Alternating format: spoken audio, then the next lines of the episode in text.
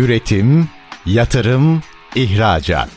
Üreten Türkiye'nin radyosu Endüstri Radyo sizin bulunduğunuz her yerde. Endüstri Radyo'yu arabada, bilgisayarda ve cep telefonunuzdan her yerde dinleyebilirsiniz. Endüstri Radyo.com Çetin Ünsal'ın hazırlayıp sunduğu Reel Piyasalar programı başlıyor.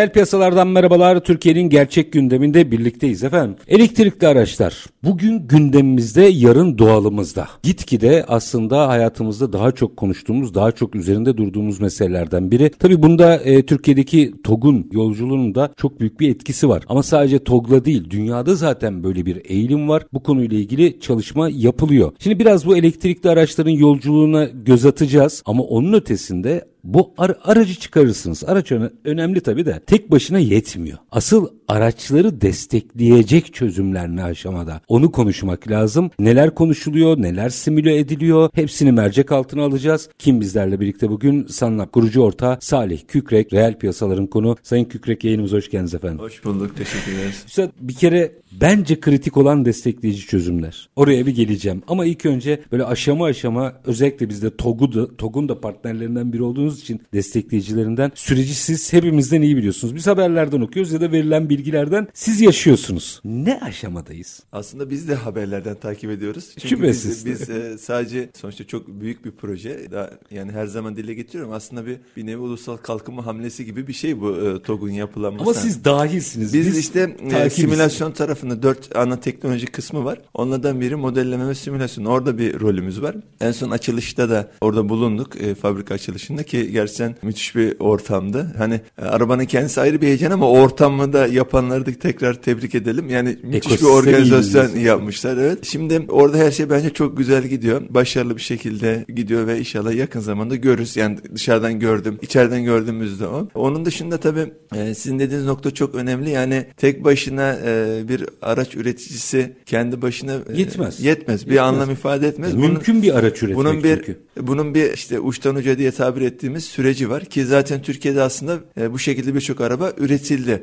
E, yani bugün işte Adını kadar vermeyelim, bir sürü- Türk markası gibi algılanmasa da hakikaten Türk arabası olan arabalar var. Hani devrim dışında da var aslında. Ama olay aslında arabayı evet yapabilirsiniz. Sizin dediğiniz gibi yapıyoruz da en iyi şekilde. Ama bunun bir ekosistemi var, bir inşaat süreci var. İnsanların bunu benimseme süreci var. Tabii ki mesela biz de kendi ürünlerimizi yaşıyoruz. Ürünü vermekle kurtulamıyorsun. Ürünü verdiğin sonra o müşteriyi memnun etme sürecin var. Dolayısıyla onları da yönetmen lazım. Sürekliliği önemli. Evet, evet. Yani birçok yönü var. E, Dolayısıyla e, şu an zaten e, yine dışarıdan gördüğümüz e, ciddi bir ekip konuda çalışıyor ve son derece başarılı olacağına inanıyorum ben. Dünyaya baktığımızda elektrikli araç yolculuğunun ne aşamasındayız? Nasıl gidiyor iş? Şimdi biz e, farklı teknolojilerimiz gereği farklı firmalarla ilişkimiz var. Yani birçok otomotiv üreticisiyle çalışıyoruz. Zaten şu an yani hem Türkiye'de hem Avrupa Birliği'nde çok önemli projelerin de paydaşıyız. Orada bizim teknolojilerimiz kullanıyor. Ya şunu görüyorum ben e, elektrikli araç böyle yani bir göz açıp kapayıncaya kadar hayatımızın yani hayatımıza girdi dem- demiyorum hayatımızda tamamını kaplayacak yani ben öyle bir süreç görüyorum. E, çünkü hani Çok uzun değil yani. Değil, hikaye. tabii tabii. Aslında şöyle bu hikaye çoktan başladı. Şüphesiz. Hani Evet, biz, evet, e, evet. hani daha biraz sanki var gibi düşünülüyor ya.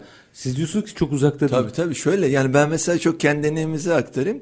Ya biz elektrikli araç bakımcısı yetiştirmek için simülasyon yapıyoruz bir yandan eğitim sektöründe. Biz buna işte 2-3 yıl önce başladığımızda dediler ki ya daha buna çok 10 yıl var ne işiniz var falan gibi böyle tepkiler bile oldu. Biz de kendine izah ettik bak dedik yani Türkiye'de kendine dedim bizim işte okullar, üniversiteler farklı paydaşlar var. Ticaret odaları falan gibi. Ee, onlar dedik ki bu göz açıp kapayıncaya kadar gelen bir süreç. Yani Türkiye'nin gündeminde işte TOG'la beraber yeni bu gündem oluştu ama dünyanın gündeminde zaten var olan bir şey. Bakın çok ilginç bir şey.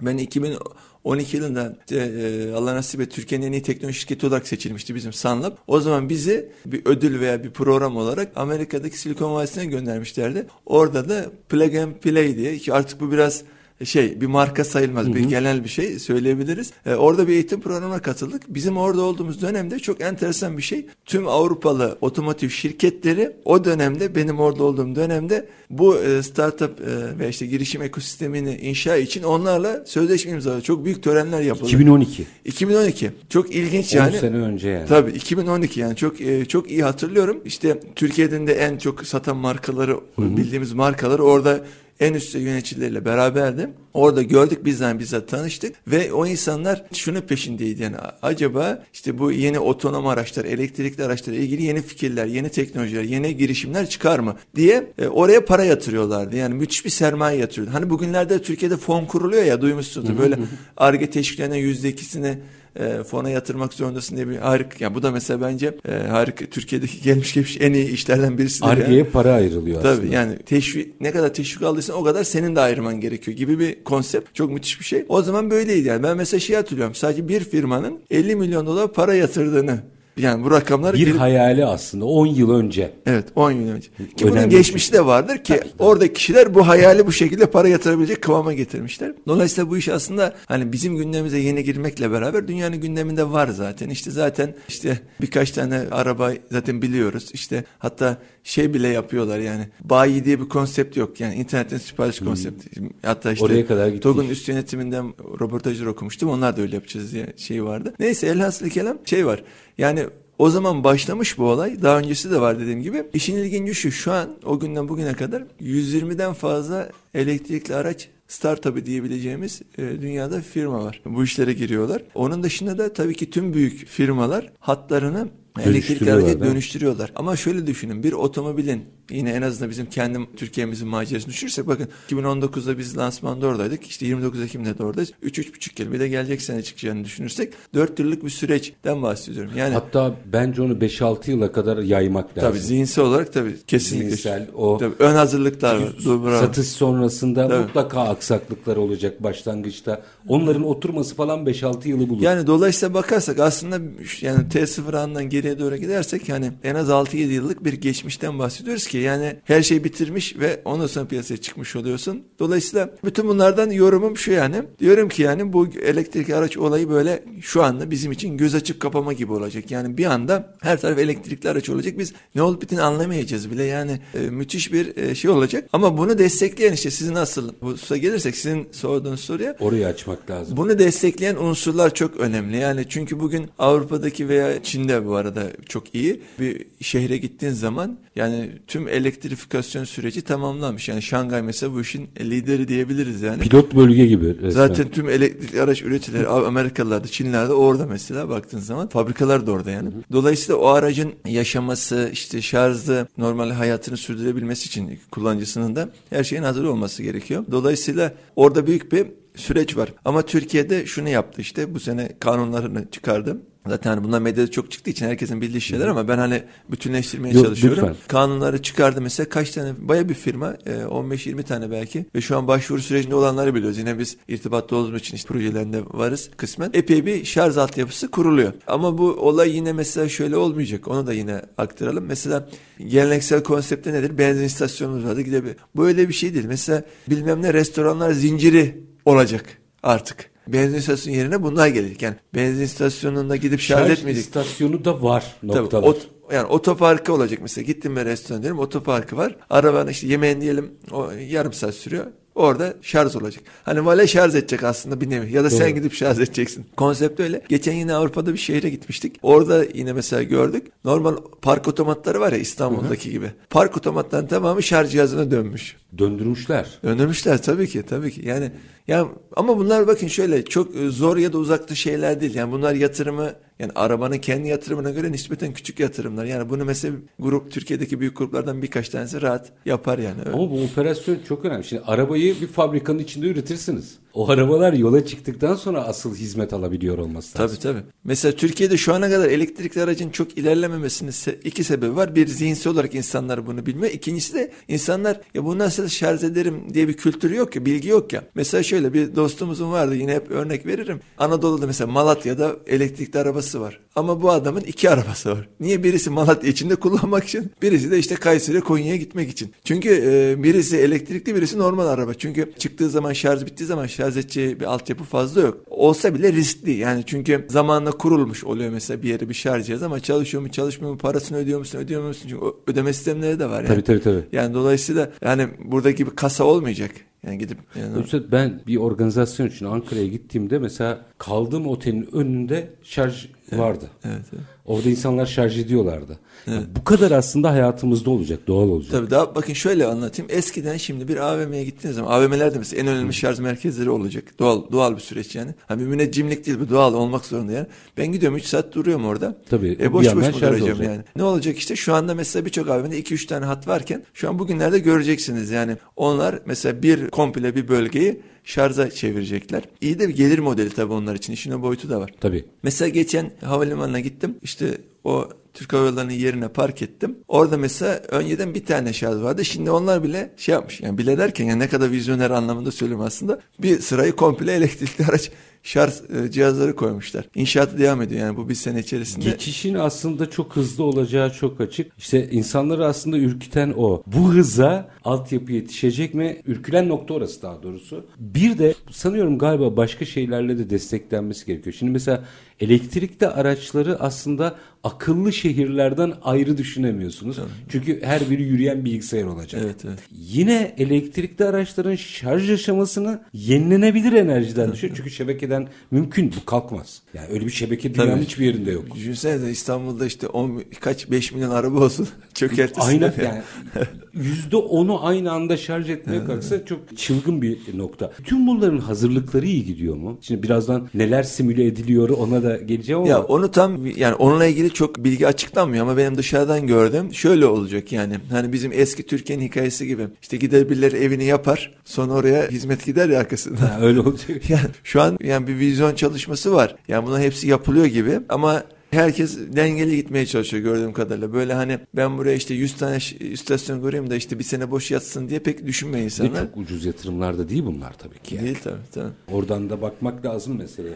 Peki şimdi bir araya gideceğim ama araya gitmeden önce destekleyici çözümler açısından baktığınızda tespit yapayım sonra alacağım. Dünya ile mukayese ettiğimizde iyi gidiyor muyuz sizin gördüğünüz? Hem Avrupa ile hem Türkiye ile e- aynı anda hizmet verdiğiniz için bu nabzı tutarsınız. Ya şu şunu biliyorum sadece hani tam onu e, hani başta onların tam başlangıç süreçlerinden hani tamam hikayelerini biliyorum ama gittik işte gözümüzün önünde imzalamışlar sözleşmeyi. Ama şu yani şehircilik anlamında mesela Avrupa'daki bir X şehir veya Şangay, e, Çin'deki Şangay yani bunu o süreci nasıl e, geçiş yaptılar ona tam e, vakıf değilim ama ya Türkiye'de genelde şöyle oluyor. Yani tam olarak belediyecilik anlamında hazır olmadığımızı çok rahat söyleyebilirim yani. Çünkü genelde e, belediyelerle iş yaptığımda şu var hani bir genel olarak Türkiye'de hani bir görelim Bir olsun bak. o mantık olduğu için. Yani orada biraz zafiyetimiz olabilir. Yani bunu birazcık tabii merkez hükümetin iteklemesi lazım. Bence şöyle olur, olmalı, olacaktır yani. Biz de sağda solda söylüyoruz. Devlet birazcık belediyeler burada e, ittirebilir. Yani birazcık öne atabilir. E, atması lazım. Bugünlerde o olacaktır diye kendi şahsi kanaatim var. Ümidim var veya öyle söyleyeyim. Ya bu kritik bir konu. Herkesin birbirine toleranslı olması gereken bir konu. Hizmet alanın, hizmet verenin. Çünkü dışında kalamayız bu oyun. Birbirimize toleranslı olmazsak sadece tüketicisi oluruz. O yüzden şimdi minik bir araya gideceğim. Aranın ardından mesela konuşulanları, nelerin simüle edildiğini, sizin eğitimlerdeki gündemi vesaire insan kaynağından işin hizmet noktasına kadar merak ediyorum. Oradaki trendleri de minik bir araya gidelim. Aranın ardından açacağız burayı da. Sanlap kurucu ortağı Salih Kükrek konuğumuz. Kısa bir ara. Reel piyasalar devam edecek. Lütfen bizden ayrılmayın efendim. Üretim, yatırım, ihracat. Üreten Türkiye'nin radyosu Endüstri Radyo sizin bulunduğunuz her yerde. Endüstri Radyo'yu arabada, bilgisayarda ve cep telefonunuzdan her yerde dinleyebilirsiniz. Endüstri Radyo.com Kısa bir aranın ardından reel piyasalarda Sanlap kurucu ortağı Salih Kükrek'le sohbetimiz devam ediyor. Elektrikli araçların yolculuğunu destekleyici çözümler ve eğitimler aşamasında konuşmaya devam ediyoruz. İlk bölümde elektrikli araçların yolculuğuna bir fotoğraf çektik. Gelelim diğer tarafa. Şimdi bazı şeyleri pratik konuşalım. Mesela sizin simüle ettiğiniz ya da eğitimini verdiğiniz yeni konular neler dahil oldu, neler yapılıyor? Bence oradan bu pazarla ilgili nabzı tutabiliriz. Neyin simülasyonu yapılıyor, neyin eğitimi veriliyor şu anda? Şimdi burada birkaç boyut var. En önemlisi tabii ki aracın bakımı. Araç aracın bakımı birinci boyut. İkinci boyutta e, şarj istasyonlarının kurulumları ve bakımları. Çünkü şu anda işte demin de söylediğimiz gibi müthiş bir kurulum e, silsilesi başlayacak. Çünkü bu iş göz açıp kapayınca olacak yani e, yani öyle öngörüyoruz. Hatta araçtan önce onları ya halletmek Tabii gerekiyor. o daha evvel. Çünkü o yeterince şarj istasyonları yeterince yayılmadan araçlar Proje kadık olur. He, ilerleyemez. Bir de şöyle olur yani sadece şehir içinde olur. O da zaten o arabayı alabilen belki gider kendi şirketin önüne. İşte siz de buraya mesela bir tane şarj cihazı koyabilirsiniz kendi araçlarınız evet. gibi. Yani o o e, ekosistem biraz Bir zayıf orada birim zayıflatır. maliyet düşmez. Araçlar ucuzlamaz orada. Tabii, Yaygınlaşması lazım. Tabii. Yani benim bunu mutlaka mesela Ankara, İzmir'e veya Konya'ya giderken kullanabiliyor olmam Harikasınız. lazım. Yani olmazsam yürümez yani bu iş. Ee, şimdi dolayısıyla bizim şu anda yaptığımız e, en temel projeler e, öncelikle araç bakımcıları yetiştirmek için simülasyonlar geliştirdik. Şarj istasyonları kurulumu yine bakımlar için simülasyonlar geliştirdik ve şu anda bunlar e, işte kullandığımız kurulan işte beraber çalıştığımız partnerlerimiz var. Konya'da, Karaman'da, Malatya'da ki Malatya bizim için çok kritik çünkü orada bir elektrikli araç konusunda uzmanlık birikim oluşmuş. Belediyenin otobüsleri falan vesilesiyle. Yani bu arada onu Kıymetli da şey belirtelim bu. tabii. Yani elektrikli otobüsler hala da var kullanılıyor bu arada ülkemizde. ihraç ediyoruz. Tabii ihracat onu. ediyoruz. Onu, Evet. Otobüslerde sıkıntı yok. Evet, evet. Otomobillerle ilgili. Bravo yani oto- onu da vurgulamakta fayda var. İstanbul'da tabii önemli proje attık. İmza attık daha doğrusu. Yani bu e, İstanbul Kalkınma Ajansı destekledi bu projeyi. İstanbul Ticaret Odası ana e, yüklenicisi. OSB'ler var, işte Milli Eğitim var, birkaç tane böyle paydaşı var. E, elektrikli araç ustası diyoruz hani eski tabirle e, bakımcısı yetiştirmek için. E, Biz yine bir- usta diyelim onlara. Usta ya. usta yine Çok usta bunlar. güzel yani Tabii usta usta, yine bunlar usta. Ee, mesela şu anda biz onların eğitici eğitimlerini yaptık epey bir grubun. Yani ama yani konsept burada da şu. Ee, yani bizim Türkiye'de normal oto sanayilerin hepsine gittiğin zaman bakım servisleri de dahil normal e, yani kendi satışçıların servisleri dahil 1 milyon civarında kişi çalışıyor. Şimdi Toplamda. Tabii şöyle düşünün. Yani zamanında bu meşhur hattatlık matbaa meselesi var ya onun gibi yani. O zaman da mesela 1 milyon hattat vardı ülkede. matbaa geldiği zaman bunlar hep biçiyordu tek tek. Yani o yüzden adamlar karşı çıkıyordu. Burada da benzer bir durum var. 1 milyon ton usta var. Elektrikli araçlar bir anda böyle geldiği zaman Mesela nasıl karbüratörcülerin yok olduğu gibi egzozcular yok olacak. Normal şanzımancılar yok olacak. İşte örnek vermek gerekirse işte. Daha doğrusu yok olmak için dönüşmek zorunda. Şimdi normalde bu meslekler yok olacak. O mesleklerde ustaları da erbapları da ya yok olacaklar ya da dönüşecekler. Bravo yani asıl hikaye buradaki dönüşüm zaten. Biz de şunu tetiklemeye çalışıyoruz. Ya bu arabalar çok hızlı geliyor. Bak siz de e, birkaç sene içerisinde işinizden gücünüzden olacaksınız. Gelin size eğitelim. Meslek sahibi olun ve geleceğin mesleği yeni bir meslek sahibi olun ve garanti bir meslek. Tabii ki tabii 1 milyon kişi de 1 milyonu tekrar bir Mümkün elektrikli aracı olamayacak. Zaten o doğal bir seleksiyona gider. Ama en azından şöyle söyleyeyim. Önümüzdeki e, 3-4 yıl içerisinde 100 bin civarında insana ihtiyaç olacak. Bir de şöyle bir yanlış e, algı var. Mesela biz elektrikçiyiz, biz bu işi biliriz falan. E, mesela okullarda Her şey yaşıyoruz. oto elektrikten Tabii bahsediyorsunuz. tabii. Alakası olmayan meslek dalı. Yani burada yüksek gerilim var, yüksek voltaj var. Zaten bizim de en önemli ilk hatta başlangıç modelimiz iş güvenliği ve daha da önemlisi yüksek gerilim. Yani arabaya bakım yapmadan önce arabanın kilitlenmesi gerekiyor. Bu teknik bir tabir. Yani elektrikten arındırılması Bir anda gerekiyor. ızgara yapabilir sizi. Ya işte bu şekilde Tabii. anında saniye Allah sürmüyor korusun. yani Allah korusun. Yani böyle yani direkt öbür dünyaya gidiyorsun. Çok tehlikeli bir şey. Hani o Allah korusun bazen karşılaşıyor böyle elektrik direğine falan kapıyor. Ha, evet, aynen. ya ondan beter bir güç var orada yani. Çünkü şey biriktirilmiş veya Tabii, tabii. hapsedilmiş bir Tabii. güç var orada. yüksek gelirimle çalışıyor zaten. Yani dolayısıyla bu başlı başına bir hem Aman. bilim dalı hem de bakım açısından da şey dalı. Teknik bir dal. Ee, onun dışında tabii pilin kendi baş, kendisi başlı başına bir dünya. Hani oradaki elektriği tamam anladım ya pile müdahale etmem gerekiyor. Mesela yine bizim söylemeye çalıştığımız şeylerden birisi ya egzozcuları pilci yapalım mesela olabilir. Yani çünkü egzoz mesleği tamamen yok olacak. Pil mesleği geleceğin en kritik mesleği. Pil deyince ben tabii şöyle bir e, şeyde karıştırmasın dinleyicilerimize bu çerçeve çizmek isterim. Şimdi bu araçlarda 3 3 yöne ayırabiliriz insan kaynağını. Bir arabayı tasarlayan kişiler yani elektrifikasyon dahil, mekanik dahil. İki pilini yapan kişiler. Bataryacılar yani. Bataryacılar da özetleyebiliriz. Bunun tabii yazılımı vesaire de var. Bir de bunların bakımını yapacak kişi. Yani üç tane büyük insan kaynağı kitlesi lazım. Ve burada da en büyüğü tabii ki bakım camiası. Yani şimdi sen süper arabayı yapsan da bu, burada bu bakımı yapacak ya da kullanacak ya da şarj istasyonu kuracak insanları yetiştirememişsen o iş yine sıkıntıya Ustadır, girer. Usta. Evet. Yani öbür türlü çünkü diyorum ya bir aracı üretmek çok mümkün. Bir fabrika yaparsınız, teknolojiyi kurarsınız ve yürütürsünüz. Sonra Tabii. Sonrası bir de kılcallara iniyor ya. Kılcallarda sancı çıkması da daha Olası. olası yani. Dolayısıyla yani biz biz şu anda bu özellikle hani diğer iki tarafta da teknik olarak şirketimizin birikimi var, hizmet veriyoruz dediğim gibi ama asıl buraya odaklanmış Saha. durumdayız. Sahadayız çünkü orada çok büyük bir sirkülasyon ve bu şöyle enteresan bir şey. Hani Türkiye'de daha bunlar tam ilan edilmedi ama Avrupa'daki yine başka ülkelerdeki şeyleri raporlara bakıyoruz. En büyük sancıları elektrikli araç ustası. Yani bakın bu pandemi döneminde hemşire büyük sancıydı. Hemşire göçmen olarak hemşire aldılar.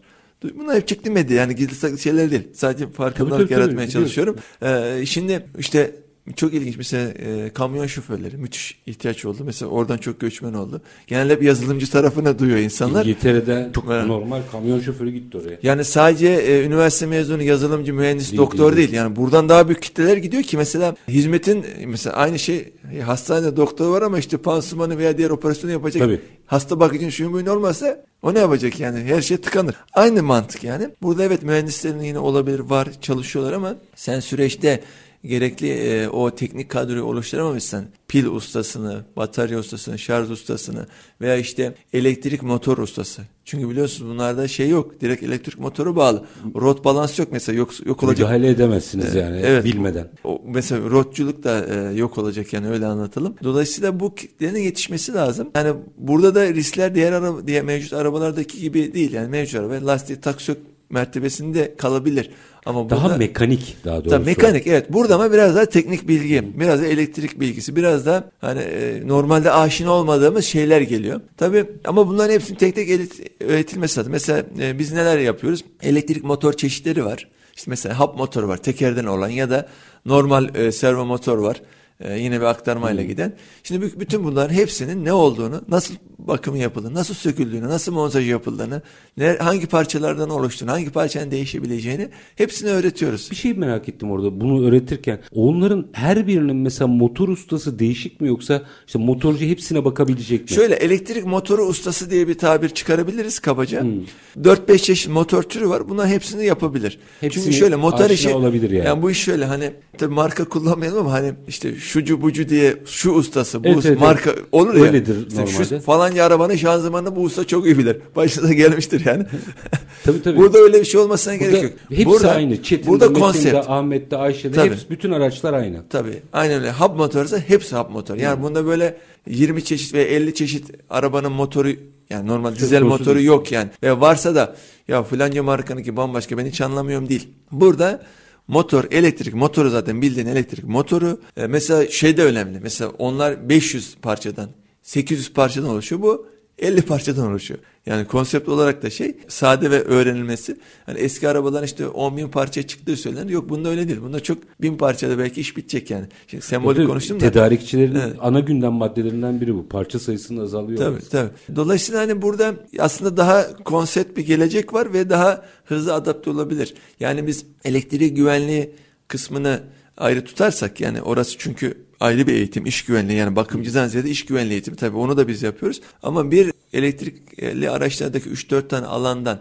herhangi birinde uzman olman için böyle yıllar geçmesine gerek yok. Sağlam bir sertifikasyon, sağlam bir eğitim müfredatı 3 ayda o işi öğrenirsin yani. Sayın Köke, şimdi eskiden de vardı aslında. Ustalık belgesi diye bir şey vardı Evet. hatırlarsınız. Bir dönem bütün dükkanlarda da olurdu. Ama çıraklar da çalışırdı. Şimdi bu bu çok öyle bir şey değil. Yani çırağı olamayacağınız bir işten Bravo. bahsediyoruz. Bravo, evet. Çok Anlatabiliyor doğru bir muyum? yorum. Herkesin usta olması gerekiyor ve o sertifikaların galiba zorunlu olması gerekiyor. Şimdi e, işte bir, bir işte yoldaki e, taşlardan birisi bu. Şu an bizim bir mücadelemiz yani e, şirket olarak şahsen de hani bu işe efor harcıyoruz. Bunların sertifikasyonunun e, yani personellerin sertifikasyonun yapılması. Bizde tabii insan kanı hep sona atılıyor. Yani genel e, zihniyetimiz öyle.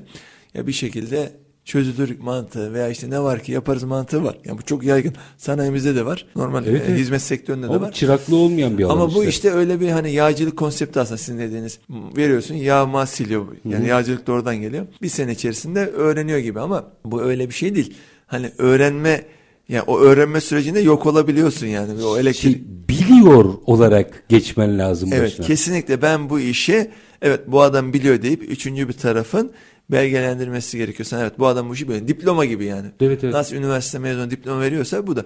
Zaten e, işte mesleki yeterlilik kurumu aslında bu işlerin e, Türkiye'deki hamisi yani uygulayıcı kuruluşu e, birçok yere yetki vermişler ama bu alanlar tanımlı değil. Şimdi biz bu alanları tanımlamayla uğraşıyoruz.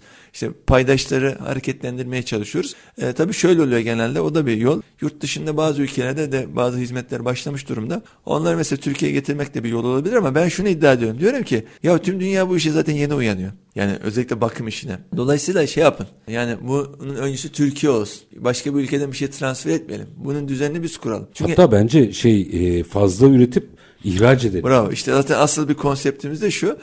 Ee, şimdi 1 milyon kişinin 100 bini hadi 200 bin elektrik araç ustası olsun Türkiye'de lazım olup diğer 800 bin kişi ne olacak? Ya ben yani yine çok e, hani vurucu olsun diye bu kelimeleri kullanıyorum. Yani bir göç dalgasından daha büyük bir problem bizi bekliyor. Doğru.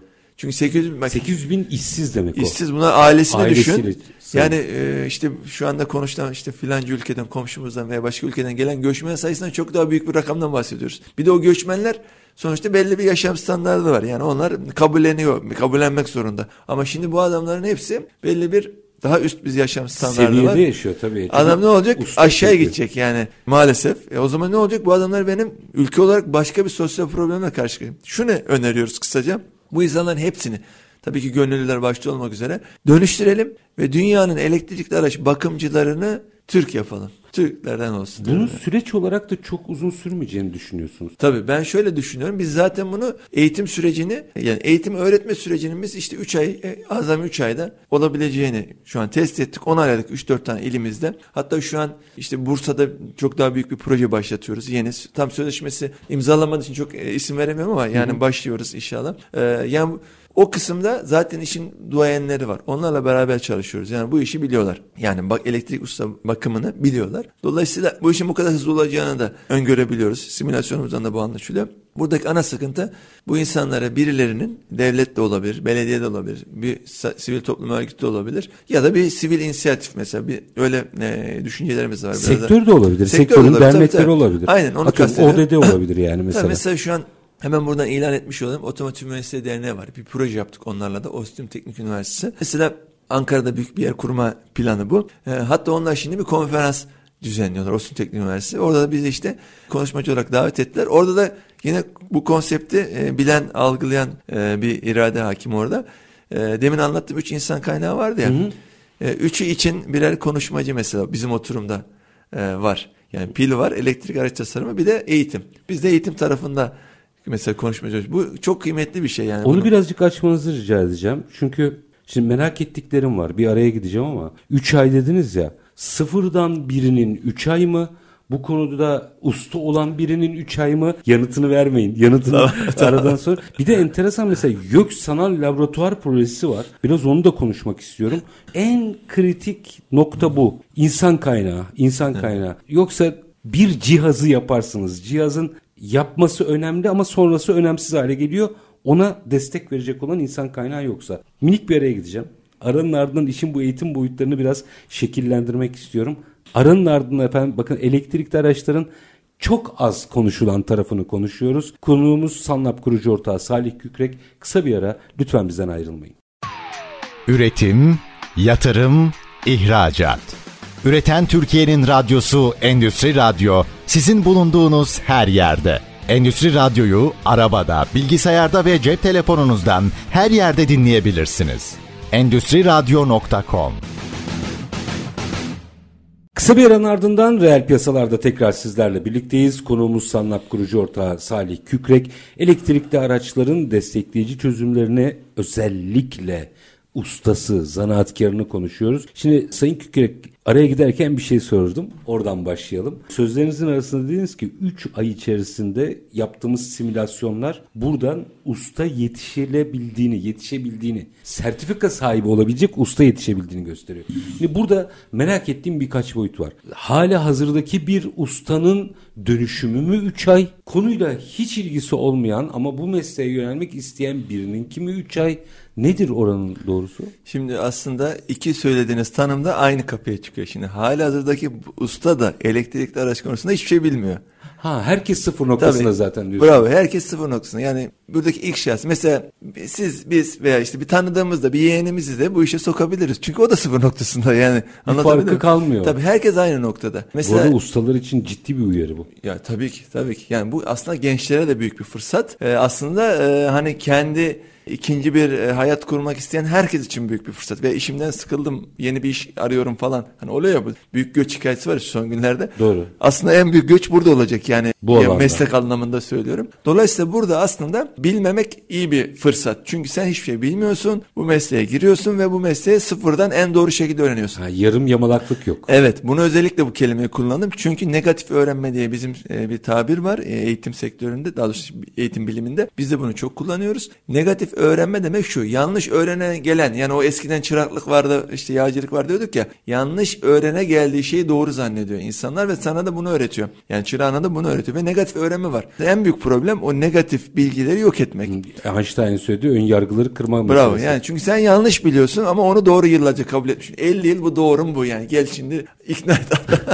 Anlatabildim mi? 50 yıldır bunu savunduk. O yine doğru olabilir de ürün o değil. Bir problem de o zaten.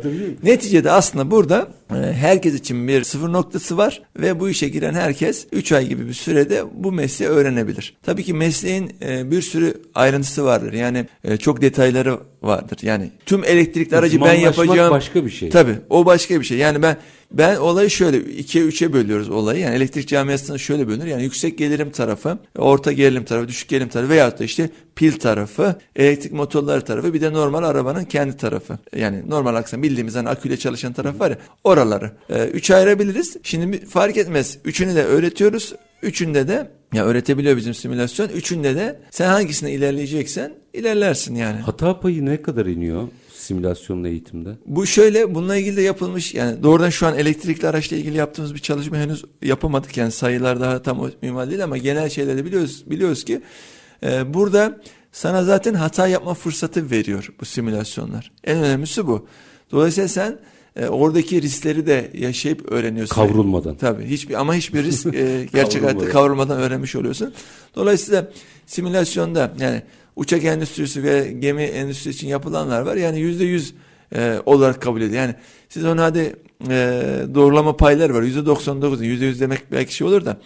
Şöyle düşünün yani bir uçağı e, süren kişi hiç uçağa binmeden uçak sürmeyi öğreniyor. Bu da onun gibi bir şey yani. Aslında işte ben bunun minik bir versiyonunu gördüm yani. Otomobil oyunu oynayarak ehliyet sınavına bindiği anda otomobil kullanan bir oğlum var yani. Aynen işte. Bu işte de bunu sağlıyor. Zaten bakın yeni nesil için şöyle bir fırsat var. Şimdi yeni nesil işte telefondur, tablettir, gözlüktür, şudur budur. Yani bunlara aşina. Yani bunları öğrenme süreci yok. Şimdi eski nesille en büyük yani eski yani belli bir yaş seviyesindeki insanlarda e, en büyük problem onlara çok yabancı. O, o teknoloji çok yabancı ve böyle şey yapamıyor. Korkuyor veya öğrenme süreci yani öğrenme eğrisi çok uzun sürüyor. Zaten bir direnç var.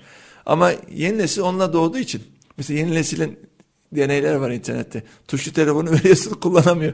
tabii. ya bu ne falan diyor. Bin yıllık mı falan diyor yani. Ama e, Bunlar dokunmatik nesil. yeni nesil bunu biliyor. Dolayısıyla yeni neslin de böyle bir e, mesela şöyle söyleyeyim mesela elektrik aracı otursa bir çocuk anında her tarafını kullanabilir yani. Yani sürmeyi kastetmiyorum Şimdi yani. Burada ben başka bir noktada da ümitlendim. Şimdi elektrikli araçların da dışına çıktık biraz. Şu açıdan ben çıkardım yani. Estağfurullah. Ee, Türkiye'nin bir işsizlik sorunu var.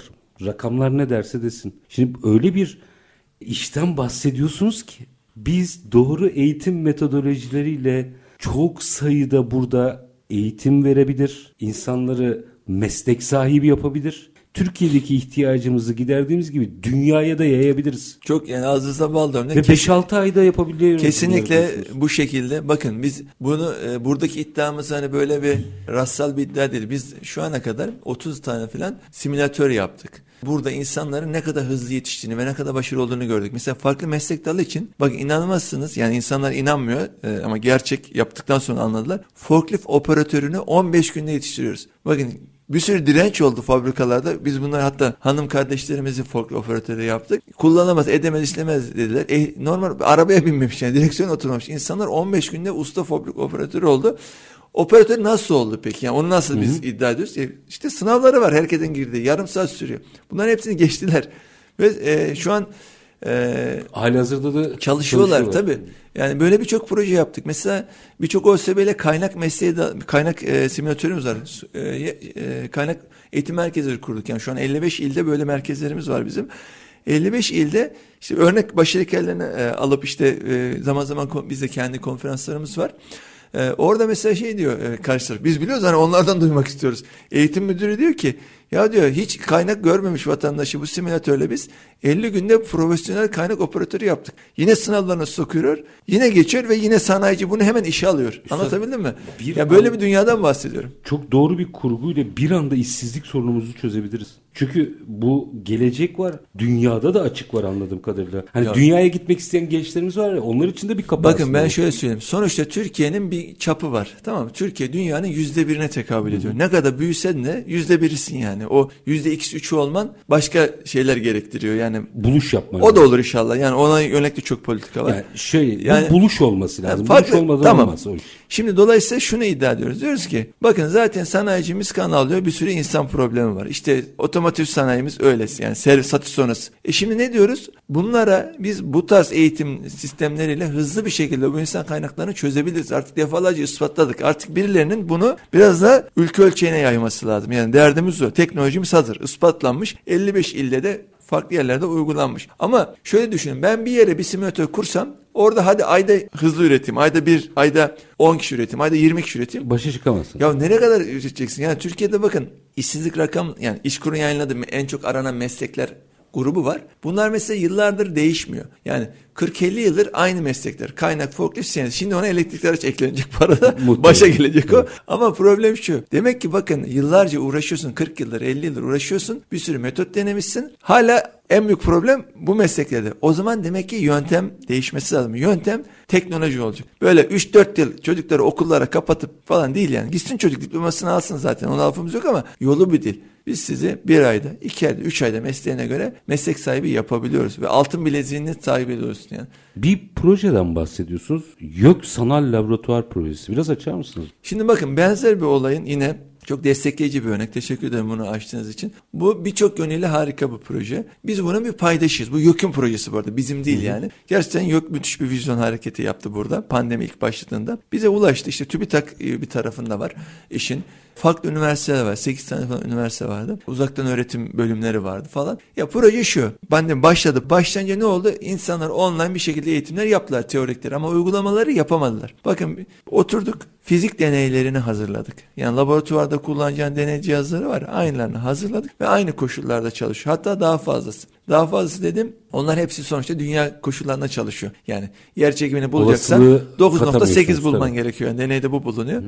E şimdi biz çocuğa şu imkanı da sunabiliyoruz. Simülasyonu farkı. Deneyi Mars'ta da yapabilir. Yani yer çekimine 9.8 bulmak zorunda değil. 3'te çıkabilir. 15'te çıkabilir yani deney. Hmm. Şimdi düşünsene de çocuğun karşısına böyle bir uygulama çıkıyor. Normalde 9.8'i biliyorsun. Tersine mühendislikte hemen tabloyu Bulursun. doldurur geçersin. Yapmana gerek. Ama sonuç belli değil. Yapman lazım. Bakın öğrenme sürecine de büyük katkısı var. Ya bu deneyi önceden bir de beşli gruplar haline yapıyordu. Şimdi tek. Herkes tek yapabiliyor. Herkesin deney seti olabiliyor. Bu çok vizyoner bir proje. Zaten bu projenin başarısı da bizim bu benim bu anlattığım elektrik aracı da ispatlayan bir şey. Çünkü düşünün bak 50 üniversite kullandı bunu. Her birinde işte kullanıyor halen de kullanıyorlar. 50 üniversite e, her birinde işte diyelim bin öğrenci kullansa bunu 50 bin. 50 bin kişi. Her biri 10 deney yapsa 500 bin. Şu rakamlara bakın ya. Birdenbire katlanıyor. Ya korkunç bir şey. Yani düşünün normalde hiç kimse hiçbir deney yapamazken hatta bu dönemin mezunlarıyla dalga geçilirken öyle internette dolaşıyor ya.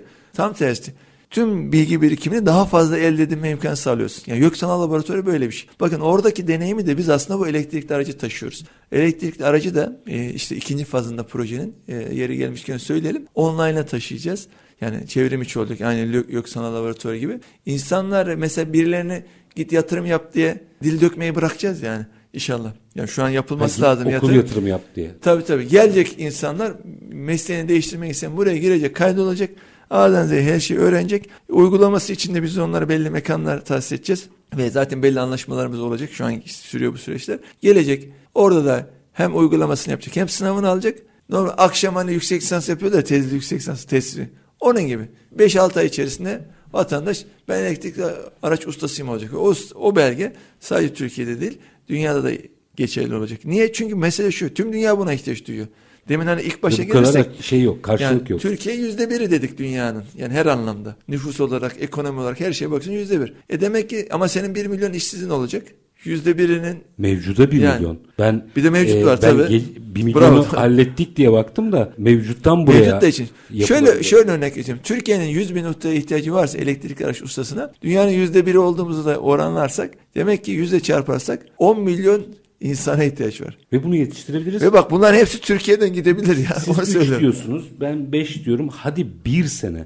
Yani dört sene değil ama. Bir sene içerisinde bütün dünyaya hitap- edebilecek kadar insan yetiştirebiliriz. Kesinlikle. Yani bunu yapabiliriz. Bu sadece e, yani birazcık e, irade gerekiyor. yani. Yoksa biz şimdi biz bunu ticari olarak veya kendimiz e, kendi çapımızda yapmaya çalışıyoruz ama biz şunu biliyoruz. Bu yapılabilecek bir şey. Bunu defalarca ispatladık. İşte YÖK Sanal Laboratuvarı ispatladık. Türkiye'deki 55 tane ilde kurduğumuz merkezlerde ticari olarak başa çıkabilecek bir operasyon. Ama Bunun tabii- devlet projesi Tabii tabii bu lazım. çünkü şöyle ticari olursa başka zorlukları var. Yani bir sefer benim gidip işte şu an yapmaya çalışıyorum. Yatırım yapmanız 100 tane mesela. e, otomotiv üreticisiyle anlaşmam lazım. Yani şimdi anlaşma bu arada yapmaya da çalışıyorum. Yani e, ondan geri durmuyorum ama anlaşma bu süreçler çok uzun sürüyor. Gizlilik söylemesi atıyorsun bir, bir yılda zor imzalıyorsun. Yani Ama, zamana e, yayılmaması gereken bir şey. Bu devlet projesi olursa biz ihraç edebiliriz diyorsunuz. Yani yetenek ihraç edebiliriz. Yetenek ihracı, Kendi ihtiyacımızı karşıladıktan sonra bu bence çok önemli bir e, vurgu. Son bir şey artık tepe yöneticiler de galiba sahadan gelmeye başladı. Tabii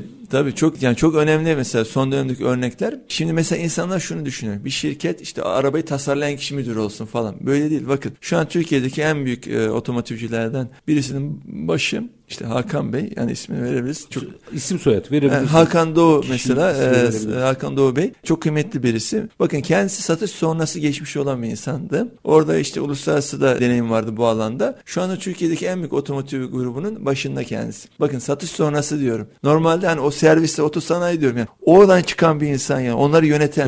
O süreci bilen. Tabii şu anda yönetim kurulu başkanı genel müdür. En baştaki insan oldu. Bakın olayın kıymetini buradan da algılayabiliriz. Yani muhasebecisi ya da işte finansdaki kişi değil. Arge'deki değil, üretimdeki değil. Bakın satış sonrasındaki. Çünkü zaten parayı o kazanıyor yani. Şirkete parayı o kazandırıyor. Teşbihte hata olmazmış. Burada hem tabii ki büyük bir fırsat var ama sözlerinizden anladım dananın kuyruğu orada kopacak.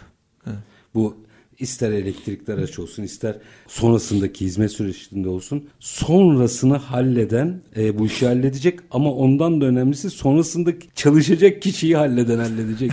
Ve diyorsunuz ki biz bunu Türkiye olarak 5 ayda ben abartayım bir senede halledebiliriz. Evet. Ve dünyanın da ihtiyacını karşılayabiliriz. Bence bu çok önemli bir teklif. Sanlap kurucu ortağı Salih Kükrek. Son bir cümle alayım veda edeyim size. Çok teşekkür ederim. Valla bu e, görüşleri aktarmaya vesile olduğunuz için. Yani Türkiye bunu yapabilir. Şöyle şunu söyleyerek söyleyeyim. Bakın hep beyin göçünden bahsediyoruz. Beyin göçü evet sen kan kaybedersen kötü. Ama dünyaya nitelik ihraç edebiliyorsan bundan alası yok. Yani bu en büyük. Çünkü bu insanlar senin o hani yumuşak güç dediğimiz, diaspora dediğimiz şeyin arka planı asıl böyle olacak yani. Kesinlikle. Bunu da vurgulamış olalım. Ee, Teşekkür ederim. Çok kıymetli. Ben yani beyin göçü, ihracat gibi kavramları biraz yanlış algılıyoruz. İhtiyacımız olanı ihraç etmek değildir. İhtiyacınızı karşıladıktan sonra fazlasını ihraç etmektir ihracat. Burada bence güzel bir örnek var çünkü çok kısa sürede bu işi halledebiliriz. En büyük havuç bu bence ve trendi çok yüksek. Sanlap kurucu ortağı Salih Kükrek çok teşekkür ediyorum efendim. ben Var teşekkür ederim. Efendim biz bugün reel piyasalarda elektrikli araçlar yolculuğunun çok konuşulmayan bir yanına özellikle destekleyici çözümler ve insan kaynağı aşamasına e, değindik. Konumuz Sanlap kurucu ortağı Salih Kükrek'ti. Her zamanki gibi bitirelim. Şartlar ne olursa olsun paranızı ticarete, üretime yatırmaktan, işinizi layıkıyla yapmaktan ama en önemlisi vatandaş olup hakkınızı aramaktan vazgeçmeyin. Hoşçakalın efendim.